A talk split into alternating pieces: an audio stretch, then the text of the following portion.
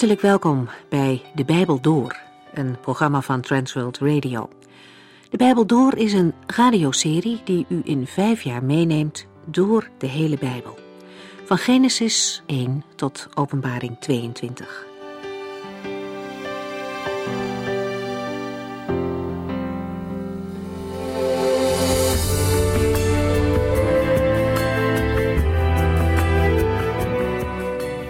Fijn dat u weer luistert. Vandaag lezen we verder in Efeziërs hoofdstuk 5. En Paulus begint dit hoofdstuk met praktische aanwijzingen voor christenen. Zo groot als het verschil tussen licht en donker is, zo groot is ook het contrast tussen leven met en leven zonder Christus. De apostel waarschuwt de jonge gelovigen ervoor om niet terug te vallen in hun oude gewoontes. Ze moeten leven in het licht van Christus. En dat licht zal uiteindelijk alles wat in het donker is, in de duisternis is, ook ontmaskeren. Iets verderop zegt Paulus dat we in een slechte tijd leven. Dat klinkt nogal stellig, maar als we het nieuws volgen, dan weten we dat het vandaag de dag niet beter is dan in de tijd van Paulus. Er gebeuren nog steeds veel dingen die het licht niet kunnen verdragen. En ook voor ons geldt de oproep uit Efeziërs om goed op te letten en verstandig te leven. We moeten onze ogen niet sluiten voor de werkelijkheid, en tegelijk biedt dezelfde slechte tijd ook de mogelijkheden om goed te doen. Als het erg donker is, dan is het verrassend hoeveel licht een heel klein lampje al kan verspreiden. De Bijbel roept ons op om niet bang te zijn voor wat er om ons heen gebeurt. Integendeel, we mogen, zolang er tijd is, omkijken naar de mensen om ons heen en Gods liefde in de praktijk laten zien. Hele, kleine, eenvoudige dingen kunnen al meer betekenen dan we zelf misschien denken. We mogen elke gelegenheid benutten om iets goeds te doen. Deze woorden van Paulus geven ook aan dat er niet altijd een gelegenheid is en dat de tijd ook voorbij gaat. De nacht maakt altijd plaats voor de dag. Maar zolang er tijd en mogelijkheden zijn, moeten we die gebruiken. Opnieuw herinnert de apostel ons eraan dat we niet alleen zijn. De Heilige Geest werkt immers in en door ons heen. Paulus schetst opnieuw een contrast. Mensen om hem heen dronken veel wijn, met alle gevolgen van dien. En jullie, daarentegen zegt hij, moeten zorgen dat je vol bent van de Heilige Geest. En dat werkt heel wat uit. Dat geeft blijdschap om te zingen en onderlinge liefde om te koesteren en vrede. We lezen nu verder in Efeziërs 5.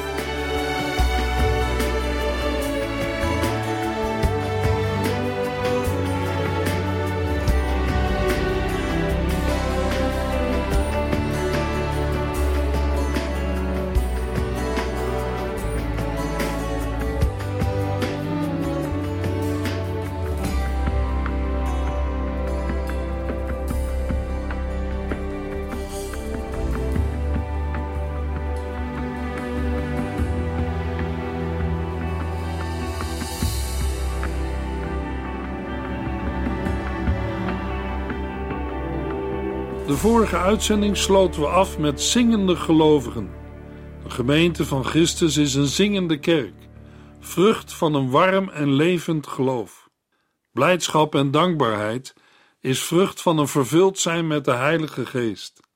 De vervulling met de Heilige Geest brengt een leven van dankbaarheid voort, zodat een gelovige de Heere altijd oprecht kan danken voor alles.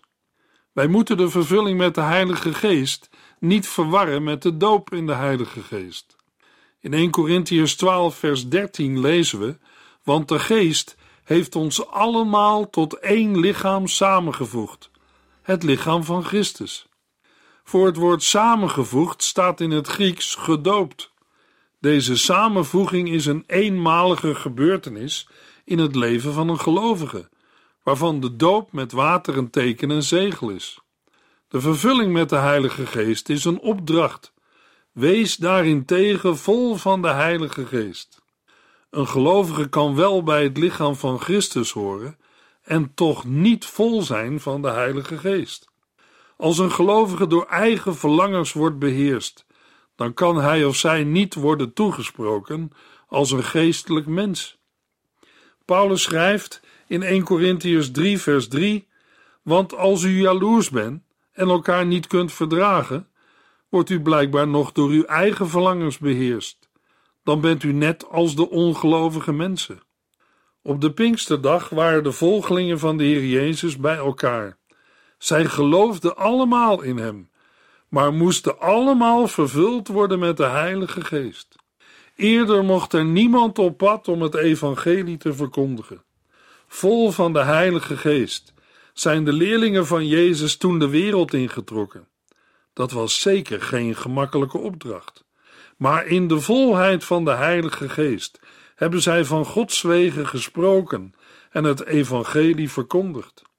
Ook daarvan mogen wij met de woorden van de apostel zeggen: Dank God, onze Vader, altijd voor alles in de naam van onze Heer Jezus Christus, ook voor de wereldwijde verkondiging van het evangelie. Efeziërs 5 vers 21 Onderwerp u aan elkaar uit ontzag voor Christus vers 21, vormt een soort overgang tussen de versen 1 tot en met 20 en de versen 22 tot en met 33. Dat vers 21 nog deel uitmaakt van het eerste gedeelte van Efeziërs 5, blijkt uit de Griekse tekst. De versen 18 tot en met 21 vormen in het Grieks één lange zin.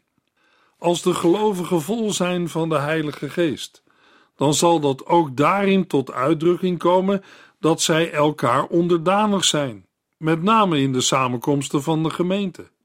Onderwerpen betekent in vers 21 zich onder iets stellen, zich schikken naar, in of onder een bepaalde rangorde.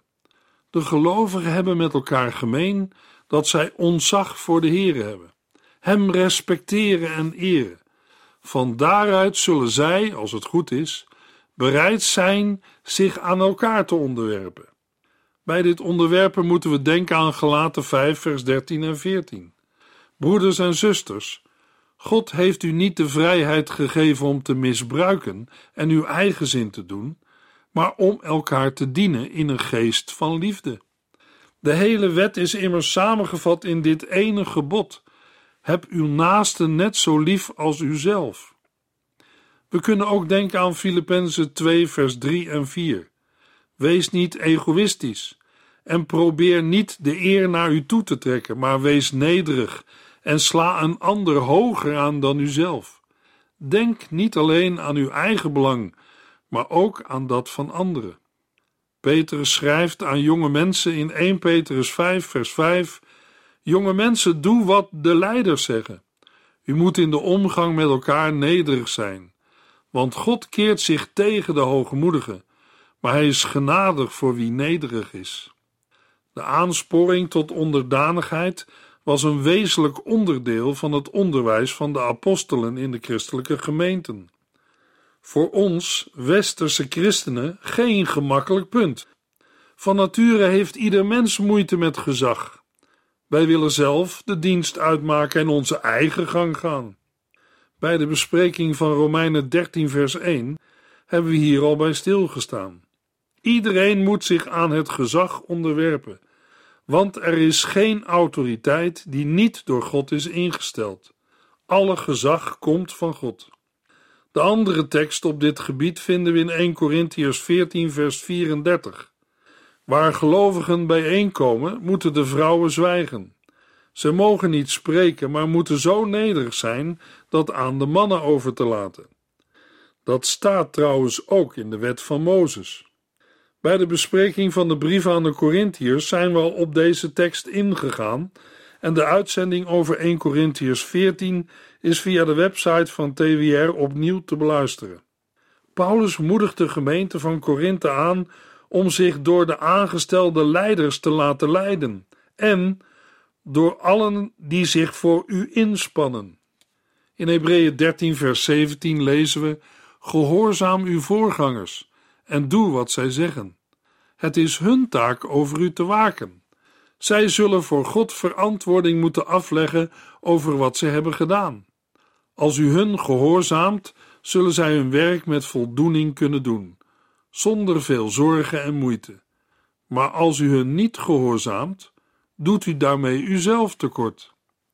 In de brieven van de apostel Petrus komen we ook een aantal opmerkelijke uitspraken tegen over het gezag van de overheid, over de gezagsverhouding tussen een knecht en zijn meester en tussen een vrouw en een man, die zelf niet doet wat God van hem vraagt.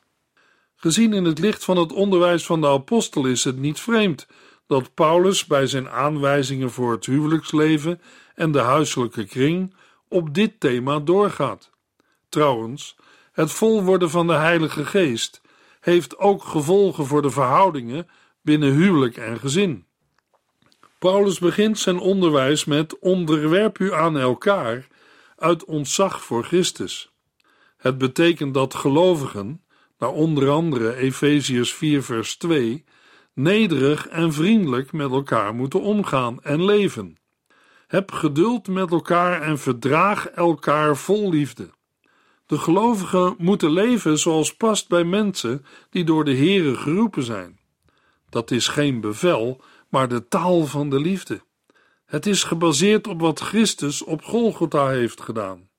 Ook het onderwerpen aan elkaar is gebaseerd op de genade van God.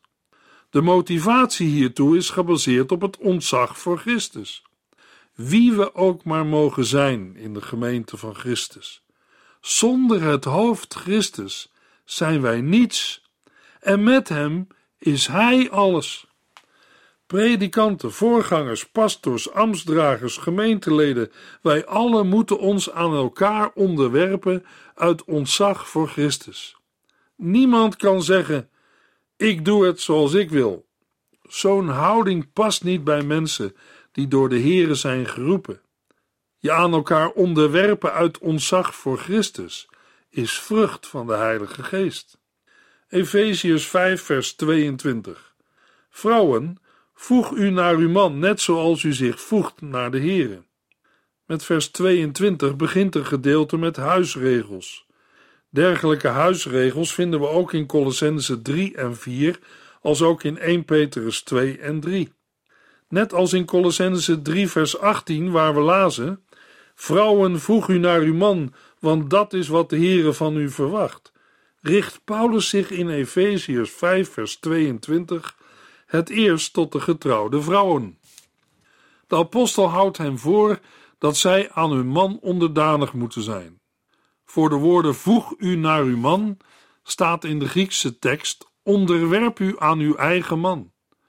Wat Paulus de vrouwen op het hart bindt, is een gevolg van de algemene regel uit vers 21, waar gezegd is dat de gelovigen zich aan elkaar moeten onderwerpen. Zoals u zich voegt naar de Here, maakt duidelijk dat onderdanigheid en gehoorzaamheid aan Christus de basis is voor de onderwerping aan de man. Met deze toevoeging grijpt Paulus vooruit op het volgende vers, waarin hij uitlegt waarom die onderdanigheid of onderwerping van de vrouwen mag worden gevraagd. Efeziërs 5, vers 23. De man leidt zijn vrouw zoals Christus zijn gemeente leidt. Hij gaf zijn leven om haar te redden. Dat de vrouwen hun eigen mannen onderdanig moeten zijn, heeft een bepaalde reden. Als zodanig voert Paulus hier aan dat de man het hoofd is van de vrouw. Het staat voor Paulus vast dat in het huwelijk de man degene is die de leiding heeft. In 1 Corinthians 11, vers 3 hebben we gelezen: Maar ik wijs u op iets dat u moet weten. Christus is het hoofd van elke man, de man is het hoofd van zijn vrouw en God is het hoofd van Christus. In hetzelfde hoofdstuk leidt Paulus dit af uit de scheppingsorde. In vers 23 brengt Paulus het hoofd zijn van de man over de vrouw in verband met Christus. Hij is het hoofd van de gemeente.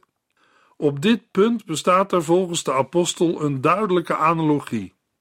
De apostel laat met deze vergelijking wel zien dat het hoofd zijn van de man niet alleen een gezagsverhouding is. Het hoofd zijn van Christus over zijn gemeente houdt ook meer in dan dat hij zijn gemeente bestuurt en regeert. Hoofd zijn wil ook zeggen dat hij haar in liefde verzorgt, zodat de gemeente in stand blijft. De gemeente is het lichaam van Christus. Dit laatste wordt nog onderstreept, doordat Paulus in het slot van vers 23 zegt: Hij gaf zijn leven om haar te redden. Daarmee doelt Paulus op het heilshandelen van Christus, waar je in vers 25 weer op terugkomt. In de woorden van de apostel ligt ook een zekere analogie met betrekking tot de man-vrouw verhouding.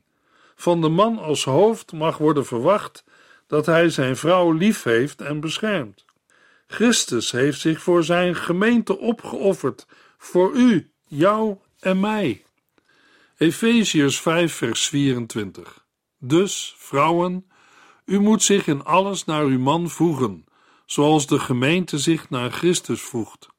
Het woordje dus geeft aan dat Paulus hier nog eens samenvat waar het voor de vrouwen op aankomt. Bepalend voor hun houding tot hun eigen man is de relatie waarin de gemeente staat tot haar hoofd, Christus. Zoals de gemeente zich aan hem onderwerpt, zo moeten de vrouwen zich aan hun mannen onderwerpen. Dat de gemeente zich ook wel eens anders opstelt, doet niet ter zake.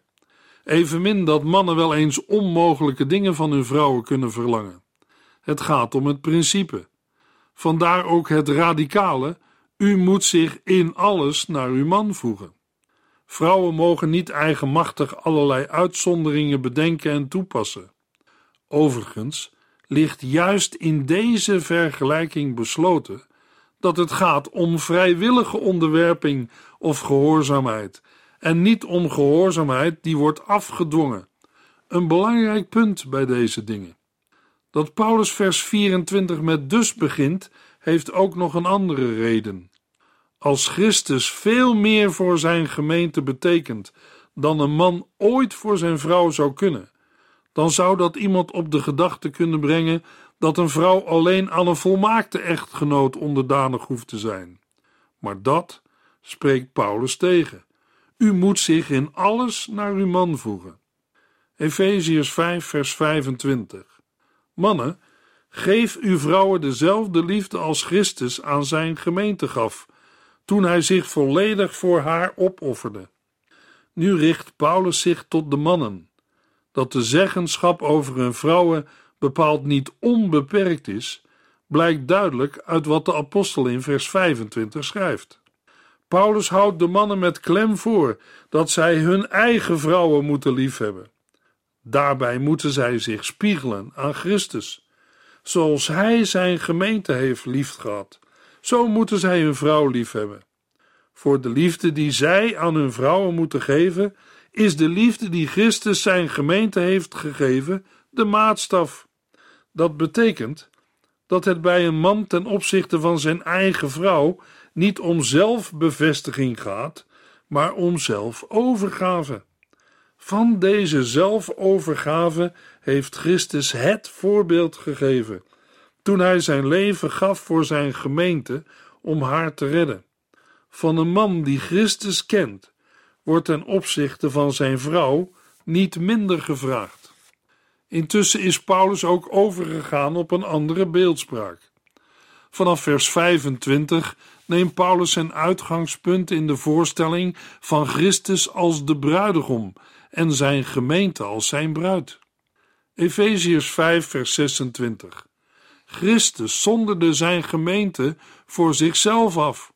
Zijn woord was als een bad dat haar reinigde.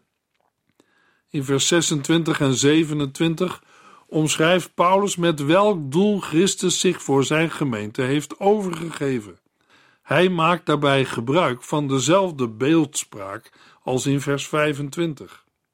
Het eerste doel van de zelfovergave van Christus tot in de dood was om zijn gemeente te heiligen, te reinigen.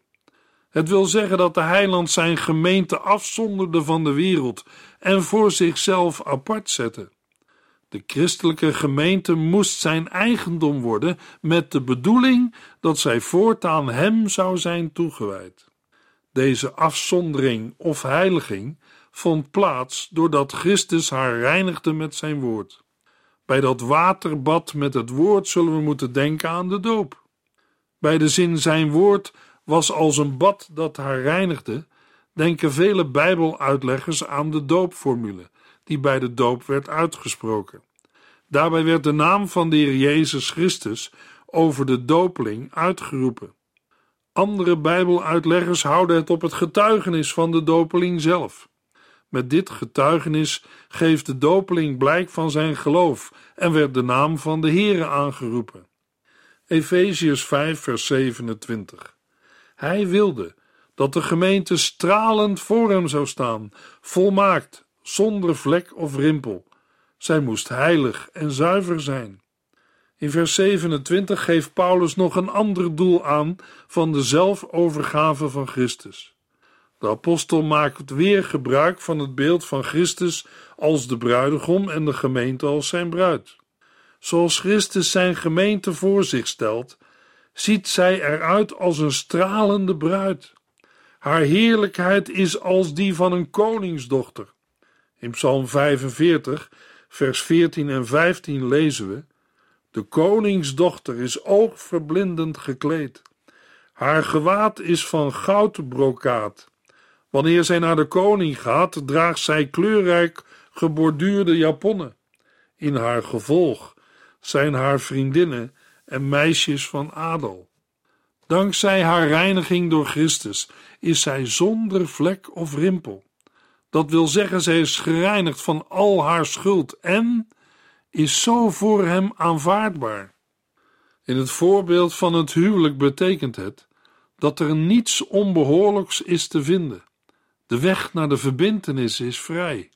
Kortom, door zijn toedoen is zij heilig en zuiver of onbesmet. Het stemt overeen met de bedoeling van de Heere toen hij de gelovigen in Christus verkoos, al voordat hij de wereld maakte.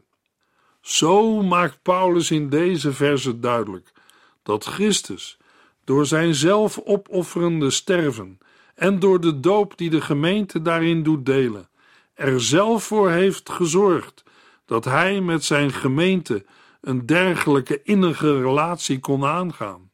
Hij wilde dat de gemeente stralend voor hem zou staan, volmaakt, zonder vlek of rimpel. Zij moest heilig en zuiver zijn. Efeziërs 5, vers 28. Zo moeten ook de mannen hun vrouw liefhebben en verzorgen als hun eigen lichaam. Want als de man zijn vrouw lief heeft, heeft hij ook zichzelf lief. In vers 28 keert Paulus terug naar zijn eigenlijke onderwerp. Net als in vers 24 met betrekking tot de vrouwen, trekt hij nu uit de verhouding tussen Christus en zijn gemeente de consequenties voor de mannen. Zoals Christus zijn gemeente heeft liefgehad, zo moet ook een man zijn vrouw liefhebben. De Griekse woorden wijzen op een verplichting. In hun liefde voor hun vrouwen moeten de mannen zich spiegelen aan de liefde van Christus voor zijn gemeente. Wat erop neerkomt dat zij hun vrouwen moeten liefhebben als hun eigen lichaam. In deze omschrijving klinken twee zaken mee. Paulus schrijft zo vooruit op vers 31 als aanduiding van de intieme gemeenschap die er tussen man en vrouw in het huwelijk bestaat.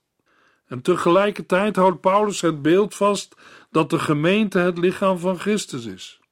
Dat laatste brengt Paulus ertoe het liefhebben van de eigen vrouw als het liefhebben van zichzelf voor te stellen. Wie zijn vrouw niet lief heeft, doet niet alleen haar tekort, maar ook zichzelf. Efeziërs 5, vers 29 en 30. Geen mens haat zijn eigen lichaam, maar verzorgt en voedt het, zoals ook Christus zorgt voor de gemeente, zijn lichaam, waarvan wij deel uitmaken omdat het slot van vers 28 voor Paulus kennelijk niet duidelijk genoeg is, voegt hij er in vers 29 en 30 nog wat aan toe. Hij zet negatief in door te stellen dat niemand zijn eigen lichaam haat. Het betekent hier niet het zondige lichaam of het leven in de zonde, maar zichzelf. Aan het eigen lichaam wordt zorg en aandacht besteed. Wat wordt verwoord met woorden als verzorgen en voeden. Toch is het de vraag of deze gedachtegang beide begrippen helemaal recht doet. In een ander verband maakt Paulus gebruik van dezelfde Griekse woorden om de zorg van ouders voor hun kinderen aan te duiden. Samen zijn de woorden een aanduiding voor de zorg die iemand naar beste eer en geweten draagt voor een ander. En dat is hier nu ook het punt van vergelijking. In die zin draagt Christus zorg voor zijn gemeente, zijn lichaam. Zo zullen ook de gelovige mannen zorg moeten dragen voor hun eigen vrouw. De bijzondere zorg van Christus richt zich op de gelovigen. In vers 30 wordt er nog een keer gezegd: Wij zijn leden van zijn lichaam. Als zodanig zijn de gelovigen het voorwerp van zijn zorgzame liefde. Van deze liefde moet de liefde van een man voor zijn vrouw een afspiegeling zijn. Het tweede deel van vers 30 ontbreekt in verschillende, nogal belangrijke tekstgetuigen. De Griekse tekst geeft vers 30 als volgt weer: Want wij zijn leden van zijn lichaam, van zijn vlees en van zijn gebeente. Dit tweede deel is een echo van Genesis 2, vers 23, waar de verwondering van Adam doorklimt over zijn ervaring dat Eva deel van zijn lichaam is. Of zoals andere vertalingen weergeven, been van zijn gemeente en vlees van zijn vlees. De strekking ervan is duidelijk. Zoals Eva eens uit Adam werd genomen, zo hebben de gelovigen hun bestaan aan Christus te danken. Efeziërs 5, vers 31. Dat wordt bevestigd door de boeken waarin staat: Een man verlaat zijn ouders, voegt zich bij zijn vrouw en beide worden werkelijk één. Hier haalt Paulus bijna letterlijk de Griekse vertaling van Genesis 2, vers 24 aan. We kunnen het ook verbinden met vers 28. Daar wijst Paulus erop dat de mannen hun vrouwen moeten liefhebben als hun eigen lichaam. In vers 29 gaat hij daarop door, door te stellen dat niemand zijn eigen vlees of lichaam haat. Gezien dat verband ligt ook hier de nadruk op de laatste woorden, en beiden worden werkelijk één. Door de zeer nauwe verbondenheid van man en vrouw in het huwelijk nog eens te benadrukken, zet Paulus zijn vermaning aan het adres van de mannen nog eens extra kracht bij. Daarbij zal stellig ook de gedachte aan de unieke eenheid tussen Christus en zijn gemeente hebben meegewogen. In de volgende uitzending lezen we Efeziërs 5, vers 30 tot en met 6, vers 1.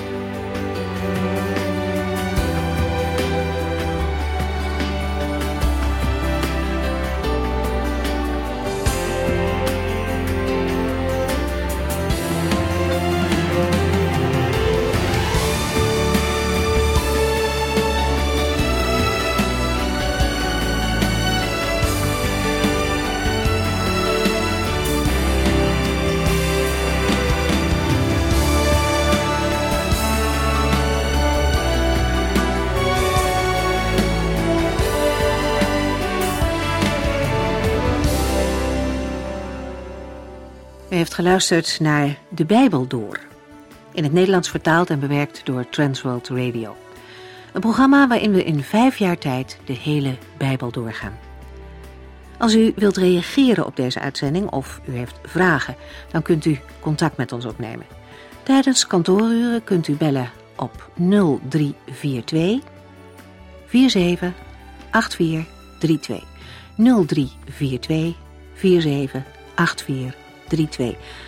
Ook kunt u een e-mail sturen naar de Bijbel door transworldradio.nl en natuurlijk kunt u ook via de post ons bereiken.